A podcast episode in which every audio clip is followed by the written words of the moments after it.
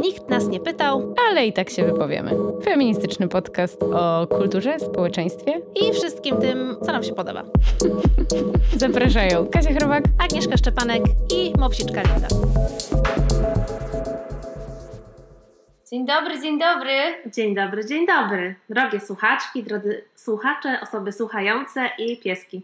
I wszystkie pieski, bo tutaj Lin- Linda najbliżej mikrofonu akurat siedzi, więc coś tam będzie nam pochrapywać. Witamy po dłuższej przerwie, bardzo też witamy siebie nawzajem, bo dawno się nie widziałyśmy wspólnie przy mikrofonie, ostatnio pod koniec czerwca. Także cieszymy się ze spotkania też sobie prywatnie. Tak, bardzo się cieszymy. Cieszymy się też ogromnie, bo rozpoczynamy nasz nowy cykl, który Aga delikatnie zapowiedziała, nic nie zapowiadając w Mm, ostatnim odcinku. Zapowiedziałam, żeby nas zmobilizować do nagrania Tak. tego odcinka, bo on już się planuje od kilku miesięcy, a nie będzie przesadą, jeżeli nawet powiem, że od roku. Tak, myślę, że, że spokojnie można tak powiedzieć, bo będziemy dzisiaj rozmawiać, już zapowiem, No powiedz. Będziemy dzisiaj rozmawiać o Bell Hooks. Tym samym zainaugurujemy ten nasz cykl, w którym to cyklu chcemy Wam przybliżać super feministki, teoretyczki, pisarki, artystki i poświęcać jakby Mhm. cały odcinek ich życiu, ich twórczości, czyli robić takie, taki zoom na jakąś Mhm. fajną postać. Trochę portret, trochę takie zbliżenie, ale że żadna nazwa nam się nie wydała adekwatna, Tak. to póki co jest to po prostu cykl bez nazwy. Cykl bez nazwy, no bo ani Którego- mi się nie bo- podoba ani soczewki, ani portrety, ani zbliżenia. A więcej słów nie ma w języku Nie, ja po polskim. prostu czuję się wypruta kreatywnie i... Więc po prostu dzisiaj poświęcimy dużo uwagi Bell Hooks. I po prostu y, być może w ciągu kolejnych poszukiwań twórczych kobiet, o których chcemy Wam opowiedzieć, które zrewolucjonizowały myśl feministyczną, które wsadzały kij w mrowisko albo które są i były kontrowersyjne i o których uważamy, że wszyscy muszą usłyszeć, to może nam przyjdzie jakaś nazwa, może Tak. one same nam, do nas przemówią. Tak, być może. No, Ale to póki co żaden siostrzany głos y, nie doszedł do naszych uszu. Z tym więc- tytułem. z tym tytułem, No. więc no po prostu Będzie na razie taki- jest to cykl. Jest to który- cykl, który też nie będzie regularny, od razu zapowiadamy, Wiadomo. że zastrzegamy sobie prawo do nieregularnego wracania e, do Dobra. cyklu. Ale ja, żeby nas zmobilizować, powiem, że w tym roku będzie jeszcze jeden na pewno Okej. odcinek. No bo pomysłów na to, jakie zarąbiste babki chcemy tutaj przedstawiać, to mamy dużo. Mhm. No, więc może rzeczywiście musimy się zmobilizować. Może jakiegoś super feministę też znajdziemy. Może. A propos dzisiejszego odcinka, bo to Tak. Oczywiście już tutaj pewne rzeczy zos- zostaną być może zdradzone i nabiorą większego sensu pod koniec tego odcinka. Tak. No i możemy też dopowiedzieć, że o tym, że odcinek o Bell Hooks chodzi za nami od, jak powiedziałeś, od przynajmniej roku, od Prawie momentu roku. śmierci Bell Hooks, która Tak. zmarła bardzo niedawno. Czyli w grudniu 2021. Mhm. I no, wraz y, z jej śmiercią i wiadomością o tym, e, niedługo potem pojawiła się informacja, że zostanie przetłumaczona na język polski druga dopiero jej książka, ale no jak super ważna książka. Jest to książka, którą właśnie dzierżę w dłoni, Mhm. gotowi na zmianę o mężczyznach, męskości i miłości. Oh yes. I ta książka, no myślimy, że jest rewolucyjna, wywrotowa i że trzeba o niej bardzo głośno mówić. Tak. I, ona- zaraz e, do niej może przejdziemy, ale jeszcze chcieliśmy na początku zrobić Tak, tak, oczywiście. A ja dzierżę pierwszą w ręce książkę Bell Hooks, która była przetłumaczona na język polski i to była teoria feministyczna od marginesu do centrum. I ona w ogóle, no właściwie jest poświęcona temu, z czego Bell Hooks jest najbardziej znana. Tak. Czyli, chcesz powiedzieć? No mogę powiedzieć. No, Feminizm intersekcjonalny. Nice. Bell Hooks był, jest uznawana za jedną z czołowych feministek, które możemy zaliczyć do tak zwanego feminizmu trzeciej fali, czyli takiego feminizmu, o którym już opowiadałyśmy w osobnym odcinku poświęconej herstorii ruchu feministycznego Z Martą Mazurek. z Martą Mazurek, tak, i gdzieś tam na pewno, tak jak cancel culture się przejawia w prawie każdym odcinku, tak trzecia fala również, no bo nie nazwano jeszcze tego, co się dzieje w feminizmie teraz. Myślę, że to już dawno nie jest trzecia fala. Że jest to już czwarta, ale że cały czas Ale nie jest tak już jednolity. tak, nie? ale no myślę, że jak Bell Hooks jakby wbiła ten kij w mrowisko, to też od razu nikt nie powiedział teraz trzecia fala, Mhm. tylko to z takiego spojrzenia czasu. czasu. Mhm. sprawi, że ktoś powie, że to jest czwarta fala, może już po prostu ten falowy opis w ogóle nie ma sensu i w ogóle kategorie płci nie będą nas za bardzo inte- zainteresować niedługo, no ale myślę, że no wciąż ten świat patriarchalny jest ufundowany na tej binarności płciowej, niestety. Tak. I takiej walce też płci. Tak, no i my będziemy dzisiaj do tego wracać, robiąc jakieś tam oczywiście przypisy i mając na względzie to, że oczywiście nie jest to, nie dotyczy to kobiet, mężczyzn, kropka, tylko Wszystkich. jest, są cały czas się pojawiają przecinki, nowe tożsamości, na które robimy miejsca i które chcemy też e, docenić, ale też e, no, mów- mówimy z jakiejś perspektywy czasu, trochę przenosimy się do, do her story i trochę z takim, wydaje mi się, że to jest ważne, żeby to podkreślić, bo Mhm. jej książki i te jej myśli, no jednak głównie zwracają się do tej krytyki i jakby do tego, Do czego zabrakło jej początków, tak, nie? w tej drugiej fali Mhm. feminizmu, takiej, która już zajęła się problemem, który nie ma nazwy Mhm. i tym, co białe feministki uprzywilejowane nazwały, czym się zajęły Mhm. i kogo wzięły do centrum swoich rozważań, czyli Tak. siebie, a zapomniały o tych innych kobietach, które mają inne doświadczenia, inne faktory rządzą ich życiem i oprócz tego, że są kobietami, to na przykład są kolorowymi kobietami, które przez ten faktor związany z rasą no mają zupełnie inne doświadczenia. Tak. No i to jest to, co Bell Hooks zauważyła, o czym powiedziała głośno i powiedziała, drogie siostry, to jest w ogóle clue, żebyśmy powiedziały, że może i mamy gdzieś tam wspólny interes, ale mamy zupełnie inne doświadczenia, Tak. mamy zupełnie inne potrzeby, no ale musimy gdzieś porozmawiać o tym wspólnie. Tak, i, i właśnie ten podtytuł od marginesu do centrum to chyba był ten główny postulat Bell Hooks, żeby właśnie gdzieś tam te osoby, które zostały zmarginalizowane w tym, w tym takim pierwszym głośnym dyskursie feministycznym przesunąć do centrum, dlatego że tam się pojawiają na tych marginesach właśnie też te problemy, o których mówisz, te przecięcia patriarchatu z klasizmem, z jakby z rasizmem, więc... Tak.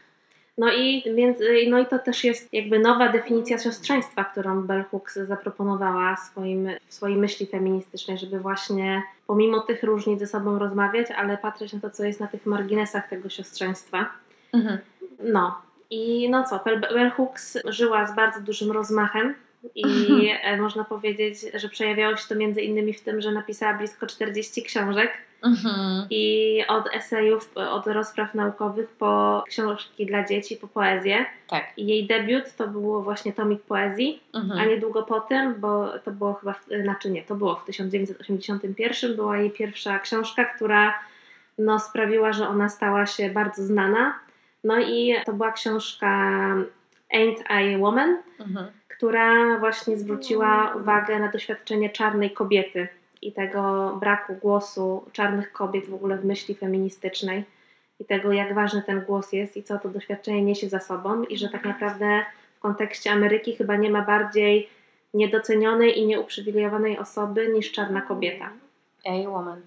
I myślę, że jeszcze tytułem wstępu można dodać o Bell Hooks taką ciekawostkę, że pisze się jej A, to jest bardzo pseudonim, ważne. E, bo tak naprawdę Bell Hooks to jest jej pseudonim pisarski i pisze się go e, małą literą, co jest celowym zabiegiem, jak mówiła Bell Hooks, po to, żeby odwrócić gdzieś tam uwagę od jej osoby, a skupić się na tym, co ma do powiedzenia. I też możemy dodać, że to jest imię i nazwisko jej babci? Prababci. Prababci, Pra, prababci nawet. Tak. No, a Która była bardzo pyskatą kobietą i bardzo głośną, która Tak. często i gęsto mówiła, co o sobie, co myśli. Tak. Dlatego Bell Hooks postanowiła uczcić jej głos i Mm. przenieść go trochę do, swojej, do swojego życia, do tego, jak Mm. żyła, ale też tego, co chciała powiedzieć światu. A e, Bell Hooks e, nazywała się Gloria Jean Watkins. jest. No i też to pisarstwo Bell Hooks, myślę, że to jest też ważna informacja, że ono było zawsze bardzo osobiste. Tak, i we wszystkich To jest kolejna jej, rzecz właśnie, o której myślałam. tak, w jej rozprawach znajdziemy bardzo dużo odniesień do jej własnego doświadczenia. I to jest super, nie? Że jest- ona jakby przeplata to, co ma do powiedzenia w tej sferze takiej politycznej, publicznej, co jest do, do zmiany, z tym, co ona tak naprawdę przeżyła. Więc to nie jest taka sucha teoria, tylko ona mówi gdzieś tam z, jakby z serca, z trzewi, ze wspomnień, jakby z- wow, tak, ta z życia jest bardzo związana z praktyką i z Mhm. życiem i no, ona robi ogromny research i nawet na przykład w tej książce, którą właśnie dzisiaj skończyłam czytać, czyli o gotowych na zmianę mężczyznach, jest bardzo dużo, no może nie aż bardzo dużo, jest dużo, dosyć sporo przypisów, ale nie ma takich klasyków i to jest fajne w jej pisarstwie, bo jakby o tych klasycznych dziełach się bardzo dużo mówi, a ona tutaj naświetla takie mniej znane dzieła. I to jest w ogóle bardzo fajne i w takich aspektach związanych właśnie z rozbrajaniem patriarchatu, co było jej główną misją życiową, mówi z perspektywy bardzo też psychologicznej, socjologicznej, więc włącza właśnie te wszystkie inne jakby nurty, które są potrzebne, żeby dać większy kontekst tym wszystkim zmianom, które muszą zajść, więc to jest też myślę bardzo duży plus. Mhm. Dodatkowo ona też no, zajmowała się w swojej też karierze akademickiej, ale też twórczości, bo jedna z książek jest poświęcona amerykańskiej popkulturze, Mhm. Więc ona do tej popkultury też się bardzo dużo odnosiła, dużo ze studentami o tym rozmawiała, Mhm. y, dużo swojej, swojego czasu też poświęcała po prostu na przyglądanie się temu, co się dzieje. No i niestety musimy powiedzieć, że z, też może polskiemu czytelnikowi obiło się gdzieś o uszy, kiedy jej nazwisko, kiedy Beyoncé wydała płytę Lemonade, O i wtedy prasa zabrzmiała, że Bell Hooks krytykowała Beyoncé i nazwała ją terrorystką. I jak sobie wpiszecie Bell Hooks i Beyoncé, to wyskoczy Wam nie tylko artykuł, y, recenzja płyty Lemonade, ale też nagrania y, wywiadów z Bell Hooks, gdzie ona o tym mówi. No i Agnieszka nie mogła sobie odpuścić. Nie mogłam sobie odpuścić. dygresji. Trochę musiałam wywrócić oczami, bo ja oczywiście jestem psychofanką Beyoncé. No i dodatkowo jest mnóstwo, mnóstwo materiału o Bell Hooks na YouTubie. Dużo Mhm. nagranych rozmów, wywiadów. No. Więc jeżeli ktoś po naszej rozmowie poczuje nie mogącą się oprzeć niczemu chęć poznania Bell Hooks, no to bardzo proszę, są z różnych Tak. okresów jej życia e, bardzo fajne rozmowy. Tak, ale przede wszystkim myślę, że pędzić po prostu do księgarni po gotowych na zmianę, przetłumaczonych, wydanych przez krytykę polityczną. Tytuł oryginalny The Will to Change. I w ogóle chciałam powiedzieć, że mega mi się podoba, jak został przetłumaczony ten tytuł na język polski, że to nie jest, wiesz, wola zmiany, chęć zmiany, No. tylko że to jest, hej chłopacy, jesteście gotowi na tą zmianę. Jakby, że my wszyscy jesteśmy na nią gotowi, no nie? Jakby już jest e, Że już czas, czas, jest na tak. nią. I to, jest, I to jest fantastyczne. Nie czytałam po polsku, przyznam, że ja czytałam w oryginale. E, I w ogóle właśnie chciałam Cię zapytać, to są przypisy, takie przypisy, że na dole strony są przypisy? Tak. Bo w oryginale nie ma w ogóle przypisów, tylko są obszerne cytowania do tych książek, o których Ty mówiłaś, nie? No on jest Że do cyta- cytatów. cytowania na pewno też zostały, nie? Ale Tak, tak, tak. to jest fajne też, że jakby tą książkę się... Mi się podoba to, dla mnie to jest takie odświeżające, Mhm. że nie ma przypisu na dole, tylko po prostu lecisz, nie? Tak. I nie musisz gdzieś tam sięgać na dół strony czy na koniec książki po ten przypis, bo masz ten obszerny cytat i on jakby cię odsyła, więc to jest spoko. Więc, więc tak. No i teraz chyba powiemy, co było naszym zdaniem najważniejsze w tej książce. I czy ja mogę zacząć? No, Kasia, musisz, ponieważ y, Kasia już mi mówiła o tej książce no dawno temu, że to jest Tak. w ogóle wspaniała książka, jedna z jej ulubionych i że ja ją muszę Tak. przeczytać i że kiedyś musimy o niej opowiedzieć w podcaście. Tak. Los sprawił, że jesteśmy, rozmawiamy i no Berhooks już nie żyje, została przetłumaczona ta książka, no i myślę, że wszystko jakoś to się tak złożyło, żebyśmy się znalazły tu i teraz. Exactly. I krytyka polityczna nie zapłaciła za te reklamy. Nie. Robimy to za darmo, po to, żeby szerzyć filozofię Bell Hooks. Po, powiem jeszcze tylko, y, zanim przejdę do clue, że Bell Hooks się już pojawiała właśnie wcześniej wzmiankowo w naszym podcaście i że też w rozmowie z Agnieszką Pułacik można tam odnaleźć fragmenty o niej, czyli odcinek z Agą się nazywał o transformacyjnej mocy miłości. Czyli jak, jakże to bliskie Berhooks. Tak, i właśnie do tej miłości zmierzam, bo dla mnie ta definicja miłości, którą Bell Hooks podaje, pozwala właśnie odczarować to słowo, bo dla nas miłość często się kojarzy z taką miłością romantyczną, albo z czymś cukierkowym, lukrowanym, albo z czymś właśnie, co od razu sprowadzamy do jakiejś relacji między dwójką ludzi. A tymczasem miłość to jest takie uczucie, które, jak pisze Bell Hooks, gdyby wszyscy byli przypełnieni tą miłością, to nie potrzebowalibyśmy religii, nie potrzebowalibyśmy Mhm. systemów prawa, bo po prostu żylibyśmy w zgodzie, w jedności i tak dalej. I ta miłość, składają się na nią następujące elementy. Troska, oddanie, zaangażowanie, zrozumienie, odpowiedzialność, szacunek i zaufanie. Tak ja sobie przetłumaczyłam. Nie wiem, jak tam Krypol przetłumaczył. Nie będziemy tego aż tak dokładnie sprawdzać. E, no więc to byłaby właśnie ta miłość. I tutaj jakby o niej mówię na początku, bo wydaje mi się, że cała ta myśl feministyczna Bell Hooks się o tą definicję miłości gdzieś tam opiera albo do niej wraca, do niej odsyła. I co też jest dla mnie szalenie ważne, to to, że Bell Hooks zawsze mówiła, że ten feminizm według niej pozwala wszystkim osobom poznać i doznać tej miłości. I że to nie jest taki wojujący feminizm, który dla mężczyzn ma tylko pogardę i gniew za to, że oni są tymi opresorami, tylko że to jest feminizm, który mówi, że patriarchat krzywdzi wszystkich. Tak samo, nie tylko kobiety. Czy inaczej, ale wszystkich jakby porówno. Tak, krzywdzi wszystkich porówno. No i jakby tutaj ta właśnie miłość, która przepełnia Bell Hooks i którą ona proponuje wprowadzić jako w ogóle taką nadrzędną kategorię naszego życia, sprawia, że ona no, wsadziła właśnie ten przysłowiowy kij w mrowisko, bo nie tylko właśnie z centrum na marginesy się przeniosła, ale powiedziała, że w centrum w ogóle myśli feministycznej, która w ogóle według niej gdzieś utknęła w jakimś martwym punkcie, powinni znaleźć się w ramię w ramię z kobietami też mężczyźni. Tak, że I oni że- są sprzymierzeńcami, a nie wrogami. I że oni nie mogą być tylko sojusznikami, ale muszą być też po prostu częścią zmiany i zostać no, feministami, ale nie na takich zasadach jakby kobiet, ale że przed nami jest taka misja stworzenia, ona to nazywa w, w niektórych momentach takiego, takiej propozycji męskiego feminizmu, że Mhm. zadaniem feministek jest właśnie też stworzenie takiej oferty konkurencyjnej, Mhm, niejako przekupując mężczyzn, żeby zrezygnowali z tego patriarchatu mhm.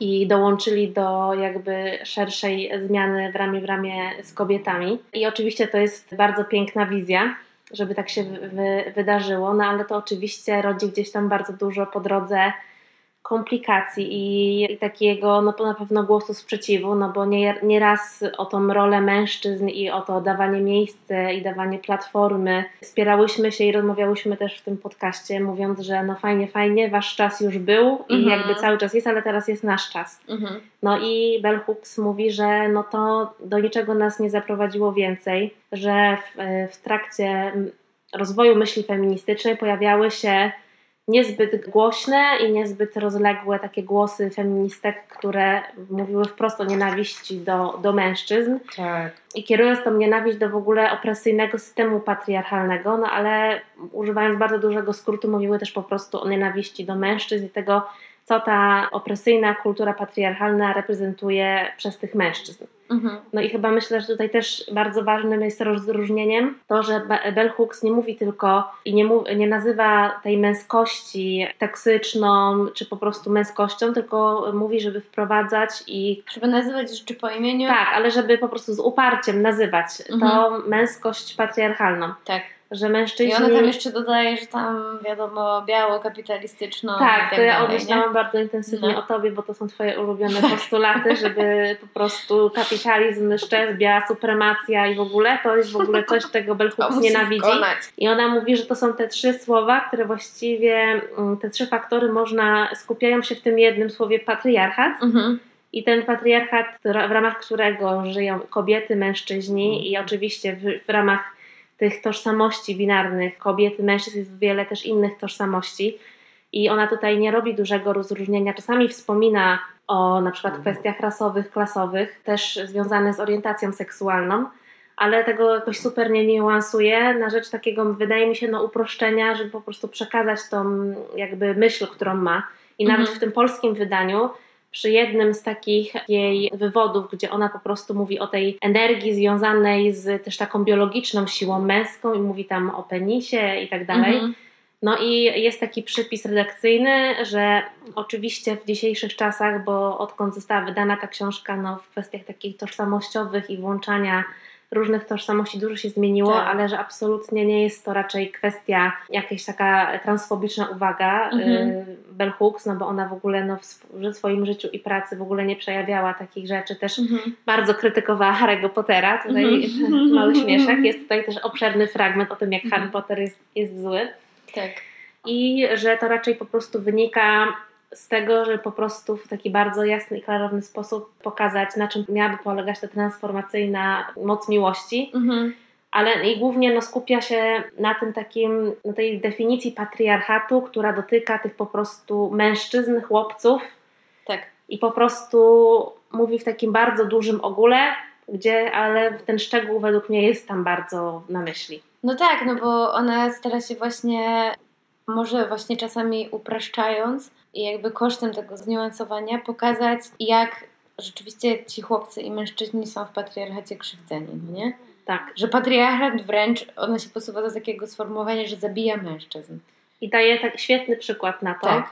Pokazuje, że statystyki po prostu mówią same za siebie, że mężczyzn nazywa się beneficjentami kultury patriarchalnej i wymienia się różne jakby rzeczy, dzięki którym mężczyźni funkcjonują lepiej i No tak bo dalej. mają władzę, bo mają przywilej jakby ekonomiczny i bo mają domniemany przywilej jakby seksualny, że Tak. tak. Więc jakby to w skrócie.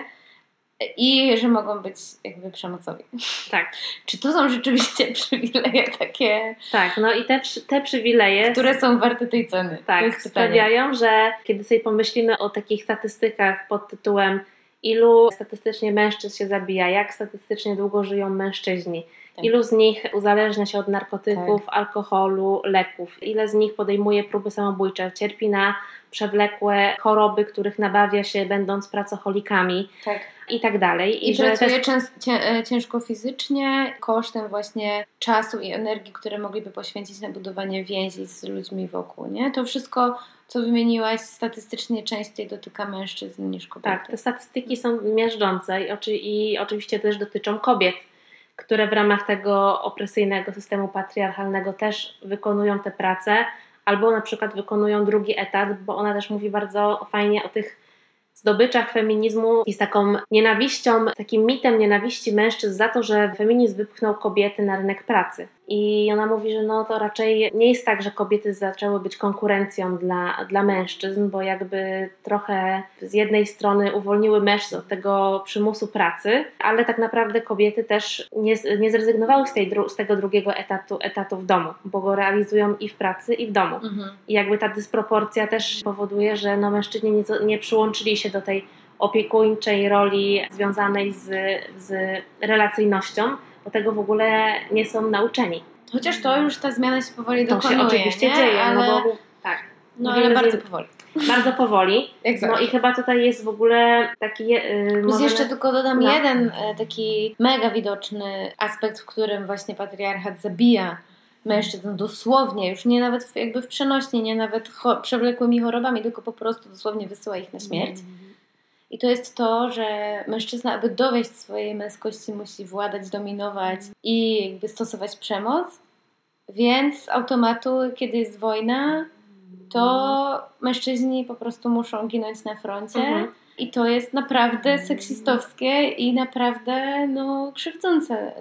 Tak, dla, dla, dla mężczyzn. Więc to jest taki do, dobitny aspekt tej krzywdy. No i tutaj można dodać, że właśnie, bo Bell Hooks też jest, ma tę myśl taką pacyfistyczną, nie? Mhm. która tam pod koniec tej książki bardzo wybrzmiewa i która w ogóle super aktualna, nie? Że właśnie przypomina to hasło hipisów Make Love, Not War, Tak, które jak się zna właśnie tą całą jakby jej definicję miłości i to, co ona myśli o wojnie i przemocy, o której też bardzo dużo pisze i dużo miejsca poświęca w tej książce, to w ogóle to hasło zyskuje nowe znaczenie. Dla, dla Mhm. mnie to było super odświeżające, nie? Że zawsze myślałam, a make love not war, tak mi się kojarzyło właśnie z tymi Mhm. hipisami, co tam, tam na LSD w ogóle i tam na Woodstocku się bawią. A to rzeczywiście ma taką bardzo, bardzo mocną treść, no nie? To hasełko. tak.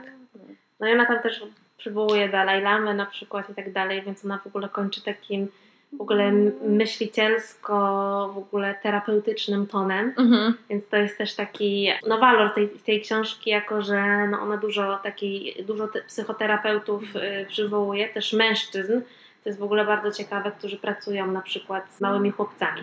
Tak, bo to, to kolejny też właśnie aspekt, Tak. który tej książce jest super istotny, to jest to, jak chłopcy są socjalizowani do patriarchatu.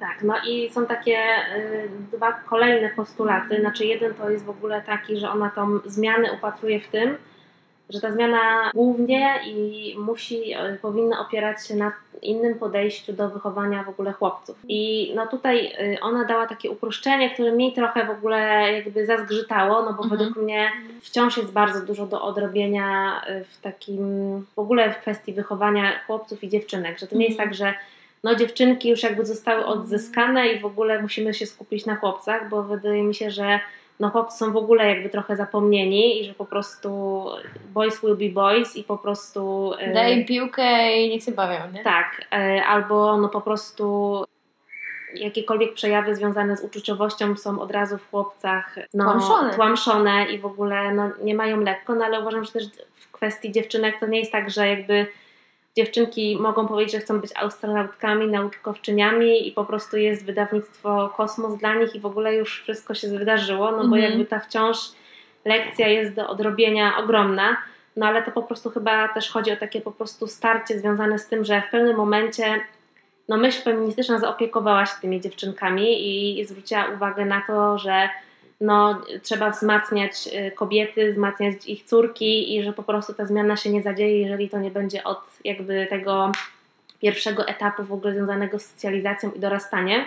Tak, o chłopcach w ogóle ta myśl feministyczna trochę zapomniała Mhm. I, i że jakby ona mówi o tym, że jakby feministki zapomniały, że, miały, syn, że miały synów i Tak. że rodzą synów, a one też je rodzą, no i teraz co mamy zrobić z tymi chłopcami? Mhm. że to są tacy patriarchowie, którzy co zostaną, a my po prostu będziemy jakby w, w takiej opozycji ciągle, że to jakby nie jest rozwiązanie i to w ogóle się nie sprawdza. Tym bardziej, że ona dużo też pisze o relacji matek ze swoimi synami, Tak. a jeszcze więcej miejsca poświęca, mam wrażenie, samotnym matkom, nie? które właśnie wcielają te takie patriarchalne wzory, bo im się Tak. wydaje, że to jest dobre dla tych chłopców, żeby po prostu taką twardą ręką i tak szorstko ich wychowywać i nie, nie dawać miejsca na tą czułość i wrażliwość. I Tak, że to jest jakby tym, tą postawą zastępują ojca, którego nie ma, albo który jest nieobecny. Hmm. No i to jest jakby kolejna, i dla mnie chyba taka była, i myślę, że to jest taka najtrudniejsza rzecz do przyswojenia z Bell Hooks, jak się po nią sięgnie, a zwłaszcza Mhm. po tę książkę. No to jest taka myśl, która jest przez każdy rozdział się przewija w tej książce, że prawdopodobnie największymi sojuszniczkami y, opresji patriarchalnej i męskości patriarchalnej są właśnie kobiety. No to jest trudne do przełknięcia, rzeczywiście, ale to jest też ważne, tak jak mówisz, nie? że Tak. musimy się na tym przyłapywać cały czas. Ja sama jak sobie czytałam tutaj i myślałam sobie o różnych takich przykładach, o których ona mówi, gdzie ta kobiecość i, i te kobiety nie wspierają tych mężczyzn, to sama sobie pomyślałam o różnych sytuacjach, kiedy ja sama nie byłam wspierająca dla, dla mężczyzn i że też czasami to spotkanie z tą innością, którą mają mężczyźni w sobie przez tą patriarchalną męskość wcieloną, no jest bardzo trudne i to wymaga wszystko bardzo dużego wyjścia ze strefy nie tylko komfortu, ale takiej no, radykalnej empatii, o której mówimy też tutaj po prostu do obsrania w naszym podcaście, że po prostu ta empatia nas uratuje. I ja tak sobie pomyślałam o tym, że ona mówi o tej miłości i dopiero w ostatnim tym rozdziale, jak tam mówi o tym make love, not, not war, to dopiero mówi o empatii, a w sumie ta empatia to jest też taki, wydaje mi się, słowo klucz w jej teorii Tak. i w jej całym pomyśle na to, w jaki sposób ta rewolucja ma się zadziać. Totalnie. W ogóle ostatnie zdanie z moich notatek to jest to jest książka o tym, czego oczekujemy od mężczyzn. I to, że w ogóle te nasze oczekiwania, jak się rozjeżdżają z tym, co rzeczywiście praktykujemy, nie? Mhm. Więc to, dlatego to nie jest książka tylko dla facetów, tylko to jest książka dla wszystkich. Tak, zdecydowanie. Ale też fajne jest to, że Bell Hooks właściwie podaje, czy też stara się jakby właśnie do tej praktyki sięgnąć i dać Mhm. jakieś takie wskazówki konkretne, no nie? On tam ma taki fragment, że, że takie cztery kroki jakby podaje, co musimy zrobić, żeby ta zmiana Mhm. na, nie tylko nastąpiła, ale żeby też została jakby właśnie przyjęta, żeby było zrobione na nią miejsce, żebyśmy też były wspierające w tej Mhm. zmianie, nie? To, to, to o czym mówisz, że, że kurde, niektóre feministki się oburzą, że co, my już tyle zrobiłyśmy dla tych facetów, że teraz jest właśnie ten nasz Mhm. czas, a tymczasem, no kurde, jeżeli chcemy tej zmiany rzeczywiście, no to musimy to razem zrobić, no nie? No i ona tam daje te, te kroki i to po pierwsze to jest oduczać przemocy, po drugie pozwolić im po prostu być, Mhm. że nie muszą być successful, nie muszą zarabiać kupę pieniędzy, nie muszą być wysocy, nie muszą być pewni siebie, Tak. nie? Że mogą sobie po prostu być tacy, jacy są, nie? Nie muszą być jacyś. Krok trzeci to jest właśnie cały czas rozwalać te tradycyjne role płciowe, że kobieta to jest ta uległa, ta troskliwa i tak dalej, a facet to jest ten właśnie dominujący, silny i tak dalej. I czwarte właśnie zatrzymać tą dziecięcą ekspresję. On pisze e, dużo o tym momencie, właśnie jeszcze a propos tej socjalizacji chłopców do patriarchatu, pisze o tym momencie, kiedy oni się stają nastolatkami Mhm. i tam zamykają się w tych swoich pokojach i też jest tak symbolicznie też zamykają się na tą właśnie taką swobodę, ekspresję, na ten kontakt z uczuciami, nie? Tak, no ale który też wcześniej jest notorycznie w każdych przejawach tłamszony, nie? Tak. Więc po prostu to zamknięcie się musi wydarzyć. Dopóki trwa patriarchat.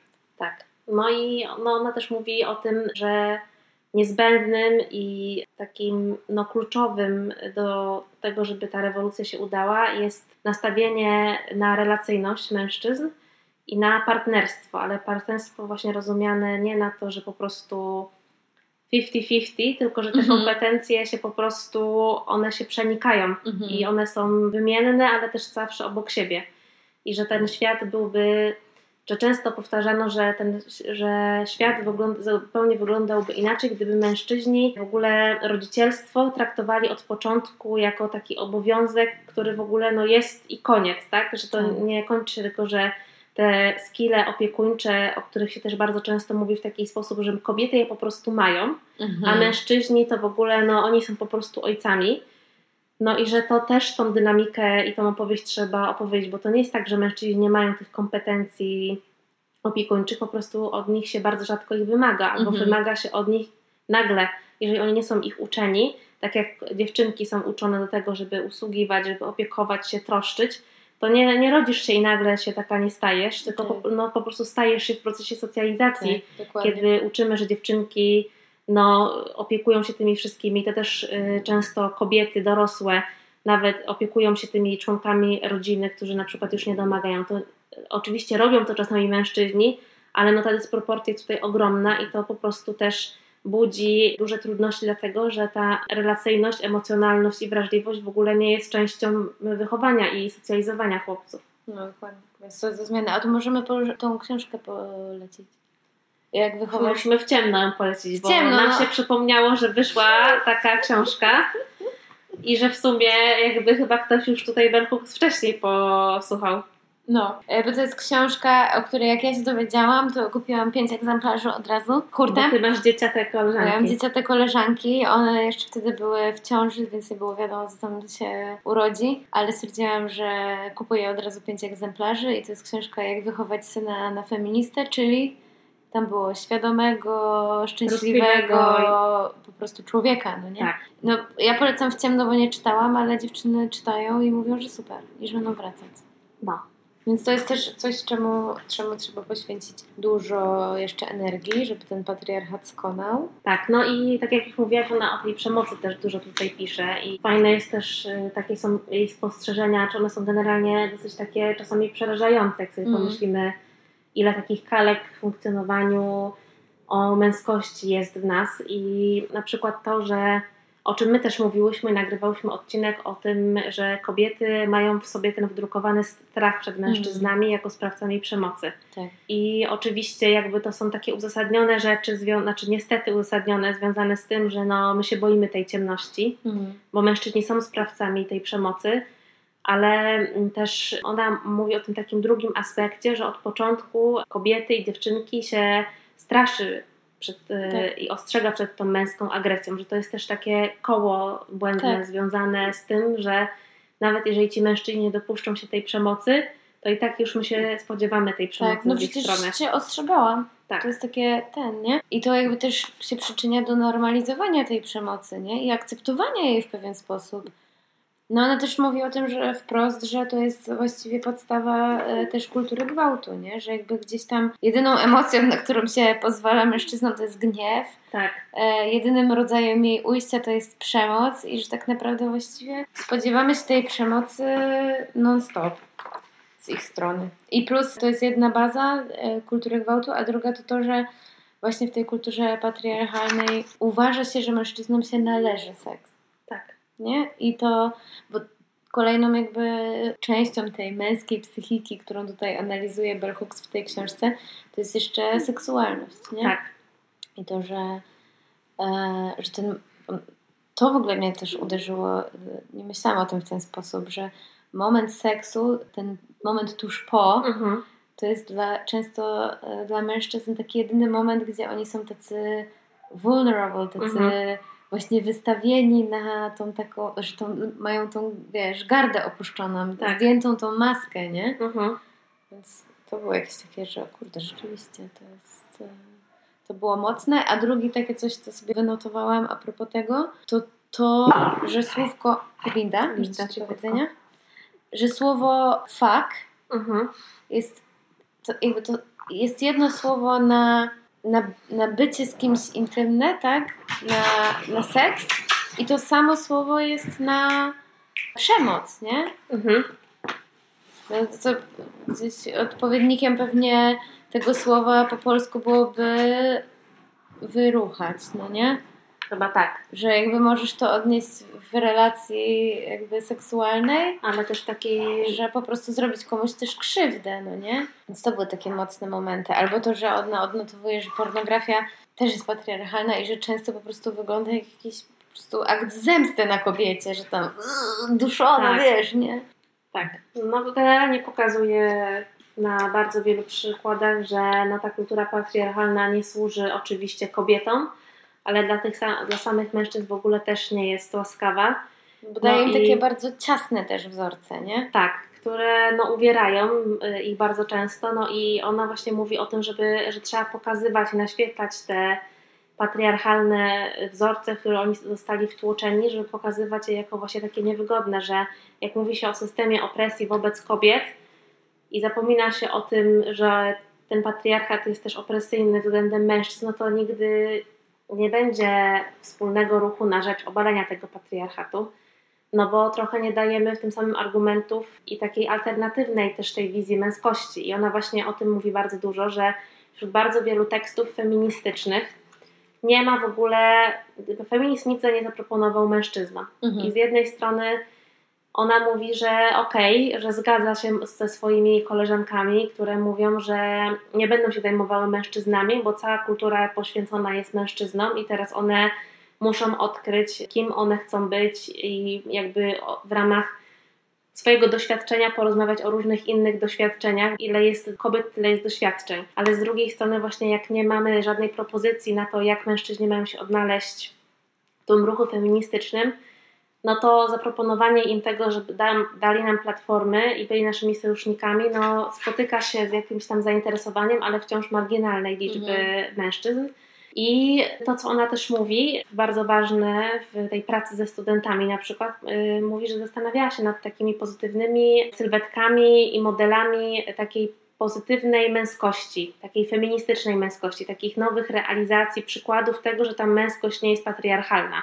W popkulturze. Tak, w ogóle. I że w ogóle, czy, i że ani feminizm na to nie odpowiedział żadnymi takimi rozprawami, Tak. czy też w formie właśnie esejów, czy tam jakichś opowieści o tym, żeby pokazać tą nietoksyczną męskość i albo tą przemianę i ona tutaj mówi o kolorze purpury, że tam jest ten bohater i bohaterka, którzy doznają tej przemiany i z tej toksycznej y, męskością przechodzi w taką męskość feministyczną i że to jest y, właściwie ta, jeden z takich niewielu przykładów, gdzie można w literaturze na przykład pokazać tą przemianę męskości i na jakich, i na, jak, na jakich ona zasadach się odbywa i jakby, że ta relacyjność i troska i te nowe kompetencje z niej wychodzą, ale że próżno szukać takich i bardzo ciężko znaleźć takie Mhm. przykłady. Tak, że w zasadzie najbliżej jakby chyba było właśnie tej kulturze hipisowskiej, tym dzieciom kwiatom, do takiego przełamywania. Oni właśnie nie chcieli iść na wojnę, wiesz. Tak, nie? no ale to właśnie ona po- opowiedziała, że to był pierwszy taki sprzeciw mężczyzn wobec patriarchatu jedy, Tak. i jedyny w historii. tak. Że E, mężczyźni w latach 60. po prostu nie chcieli iść na tę wojnę Tak. i po raz pierwszy sprzeciwili się wobec nazwanego. Tak. I no a gdzieś tam to się rozpierzchło, nie? nie? Ten cały potencjał gdzieś tam nie został wykorzystany. A jakby tak pomyśleć właśnie o tej popkulturze, właśnie o filmach, serialach, książkach, to nie jest wcale właśnie tak łatwo znaleźć taki, takie przykłady. Um, nie wiem, może powinniśmy się nad tym głębiej zastanowić. Myślę, że no generalnie, że mm, w tej współczesnej literaturze pisanej przez kobiety, że jest, y, wydaje mi się, teraz mi akurat tak nie przychodzi nic do głowy, bo jak tak No sobie wiesz, nie, myślę, bo- że ci mężczyźni są tacy bardziej zniuansowani, no ale No ale bardzo wciąż długo... nie ma takich jakby wzorcowych trochę jakby manifestów.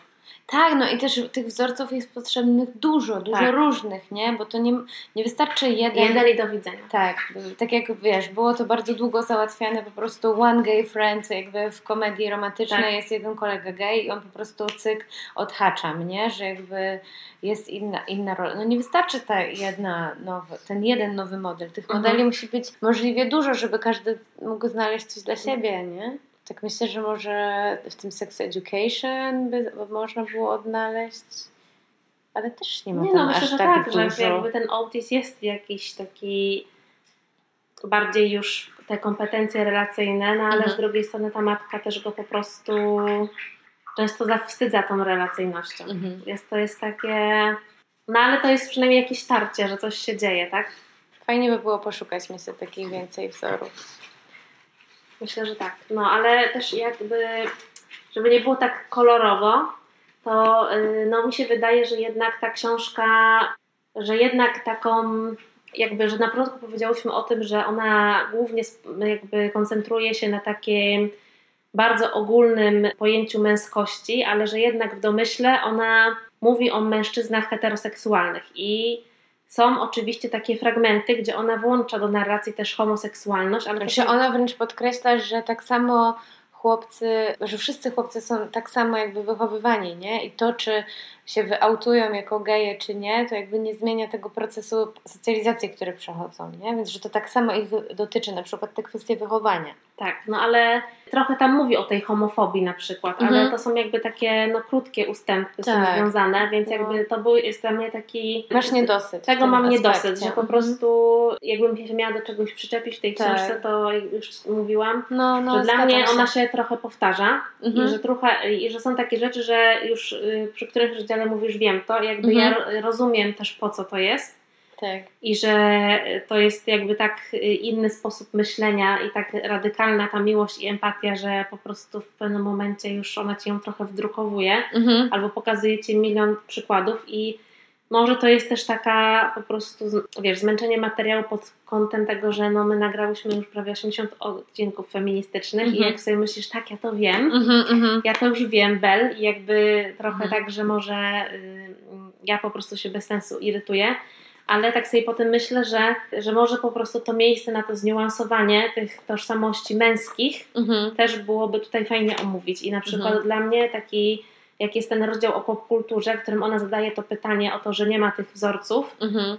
takich pozytywnej męskości, niepatriarchalnej, no to sobie myślę, że jeden rozdział o tej homofobii to w ogóle, no bo to jest też taki odprysk mizoginii po prostu, nie? Tak, tak, tak, tak. który jest związany z tą pogardą tego zniewieściałego mężczyzny, dlatego że on przypomina kobietę w jakiś sposób, jakby wiesz o co chodzi, nie? W takim Tak, uproszczeniu, tak, tak, że tak. jakby jest dużo takich wątków, które można by tutaj bardzo fajnie poruszyć. My gdzieś, ja o tym też rozmawiałam z Piotrem i też Mhm. jest gdzieś taki, tam gadaliśmy o tej takiej toksycznej męskości i, i homofobii, ale jestem właśnie bardzo ciekawa, jak Bell Hooks to, to na to się zapatrywała. No, no, no. No bo w sumie też, bo ta przemoc jakby męska, patriarchalno-męska, Mhm. się kieruje właśnie wobec słabszego ogólnie, nie? Tak. Ona nie musi być koniecznie wobec kobiety, ona może być wobec słabszego mężczyzny, wobec na przykład w pracy kogoś niższego szczeblem, Tak. e, może być wobec dzieci, może być wobec zwierząt, nie? Jakby Mhm. Po prostu ona gdzieś tam jest, więc tutaj myślę, że to bym dorzuciła. Plus ona w ogóle pisze w jednym momencie, że homofobiczne żarty są jakby metodą, żeby w towarzystwie męskim jakby wyhaczyć, kto jest, wiesz, nie hetero. Mhm. Coś takiego. To mnie w ogóle też zdziwiło i zastanowiło. Tak, nie ja wiem, czy pamiętasz ten fragment. Nie, akurat tego nie pamiętam, ale miałam gdzieś tam takie w momencie, które jakieś takie dwa, Że tak- trzy momenty, że tak nie do końca Czytałam wiedziałam o tak, co jej chodzi. No, więc gdzieś tam. e, Ja czytałam drugi raz po paru latach, teraz tą książkę, i myślę, że sobie za jakiś czas e, właśnie sięgnę po tą polską e, wersję, bo jestem ciekawa też właśnie tego tłumaczenia. Tak. No ona ma dużo takich tutaj manifestów Mhm. i e, mogę dwa zdania na przykład przeczytać jeszcze Tak na już koniec. na koniec. Na koniec. No. Mężczyznom potrzebny jest światopogląd feministyczny. Jest to bowiem teoria, która wspiera ich w procesie duchowej ewolucji i odrzucenia patriarchalnego modelu. Patriarchat niszczy ogólny dobrostan mężczyzn, okradając ich z, z życia każdego dnia. Tak jest. No, no i podsumowując, no to ta relacyjność, nastawienie na emocje, zdolność w ogóle do komunikowania siebie, swoich emocji, jakaś taka autonomia związana z, z nawiązywaniem tych relacji i właśnie to antyprzemocowe podejście jest tutaj kluczem dla niej. Zgadzam się. No, No, czyli podsumowując, patriarchat skona. no mamy nadzieję. Tak. Ale sami musicie ocenić, czy rzeczywiście to jest taka utopia, którą wysnuła i dała nam Bell Hooks, czy to jest możliwa zmiana. Ja uważam, że to jest totalnie do zrobienia. No ja uważam, Ale nie bez wysiłku. No, Oczywiście. Kurde, no, trzeba trochę się wysilać, wysilić. Tak. No i miałyśmy jeszcze trochę innych wątków o tej męskości, ale to chyba musimy zrobić osobny Ja odcinek właśnie w ogóle. tak gadając z tobą sobie myślałam, że kurde, to na kolejny odcinek jest w ogóle materiał. Tak, no bo jak już zaczniemy tutaj kolejne wątki wrzucać, to ta Bell Hooks zniknie, a ona jest jednak y, bohaterką y, cyklu bez nazwy. Tak, i pie- była pierwszą bohaterką. Tak, więc y, nie możemy sprawić, żeby została przysłonięta, więc no po prostu same sobie zrobiłyśmy temat na kolejny odcinek. No i super. No dobrze, No to pa. no to tak, no to do widzenia. Mamy nadzieję, że Was zainspirowałyśmy do poznania tej wspaniałej kobiety Tak. i do tego legacy, które nam pozostawiła. Mhm. Dwie książki przetłumaczone na polski, no jakby słuchajcie, już lepiej nie będzie prawdopodobnie. Chociaż możemy tutaj presję na wydawnictwa dawać, bo no, napisała niemal 40 książek, więc jakby wciąż Ja bym pols- chciała te książeczki dla chłopców właśnie, te dla dzieci jeszcze obadać. No może to jest właśnie ten, bo ona też właśnie realizowała w ramach tego braku Tak. właśnie te modelowe no, opowieści o tej nietoksycznej męskości, niepatriarchalnej. Nie, nie nietoksycznej, tylko niepatriarchalnej. No. Więc y, szafujcie słowem patriarchat, który powinien szczeznąć i nazywajcie toksyczną męskość patriarchalną męskością, bo to już jest pierwszy element zmiany, Tak. żeby robić ludziom incepcję mózgu. Tak jest. Dobrze, to do widzenia. No to pa. Producentem podcastu jest Estrada Poznańska. Wszystkie odcinki znajdziesz na estradapoznań.pl.